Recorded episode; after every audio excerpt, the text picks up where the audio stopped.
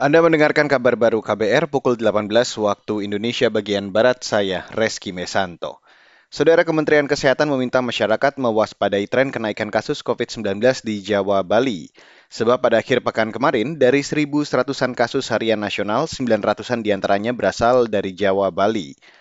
Juru bicara vaksinasi dari Kemenkes, Siti Nadia Tarmizi. Ini yang menjadi kewaspadaan kita ya, kalau kita melihat bahwa uh, kasus baru di Jawa Bali uh, minggu ini terlihat ada peningkatan. Walaupun tadi secara total kasus konfirmasi nasional terjadi penurunan.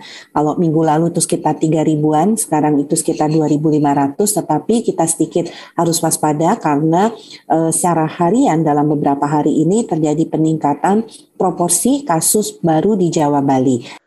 Juru bicara vaksinasi dari Kemenkes, Siti Nadia Tarmizi menyebut, Terjadi tren kenaikan kasus di lima provinsi, yaitu DKI Jakarta, Jawa Tengah, Bangka Belitung, Kalimantan Utara, dan Bali. Kata dia, secara umum kasus COVID-19 menurun dibanding pekan sebelumnya meski masih bergerak fluktuatif. Beralih ke berita selanjutnya, Saudara. Kementerian Badan Usaha Milik Negara atau BUMN mengajak petani di Indonesia bergabung dalam program Mari Kita Majukan Usaha Rakyat atau Makmur. Menteri BUMN Erick Thohir mengatakan Makmur merupakan program yang dijalankan untuk memenuhi kebutuhan sumber daya manusia di bidang pertanian.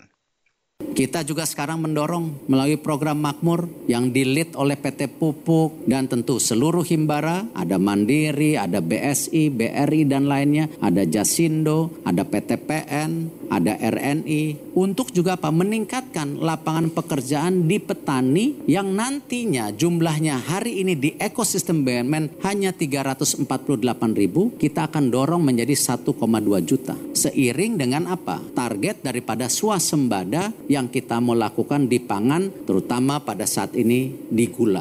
Menteri BUMN Erick Thohir menargetkan program Makmur dapat meningkatkan pembukaan lapangan kerja serta meningkatkan pendapatan petani. Erik mengklaim program Makmur menjadi solusi petani karena program ini juga dapat menghubungkan petani dengan segala kebutuhannya, semisal dari sektor keuangan. Saudara, pemerintah Inggris terus memantau penyelidikan dugaan penggunaan senjata kimia oleh Rusia saat menginvasi Ukraina terutama di wilayah Mariupol.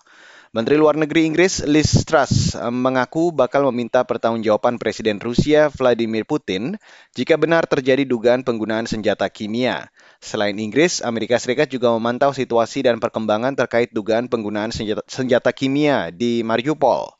Dugaan ini muncul setelah Ukraina mengklaim Rusia menggunakan zat tadi kenal di Mariupol yang menyebabkan kegagalan pernapasan warga di sana.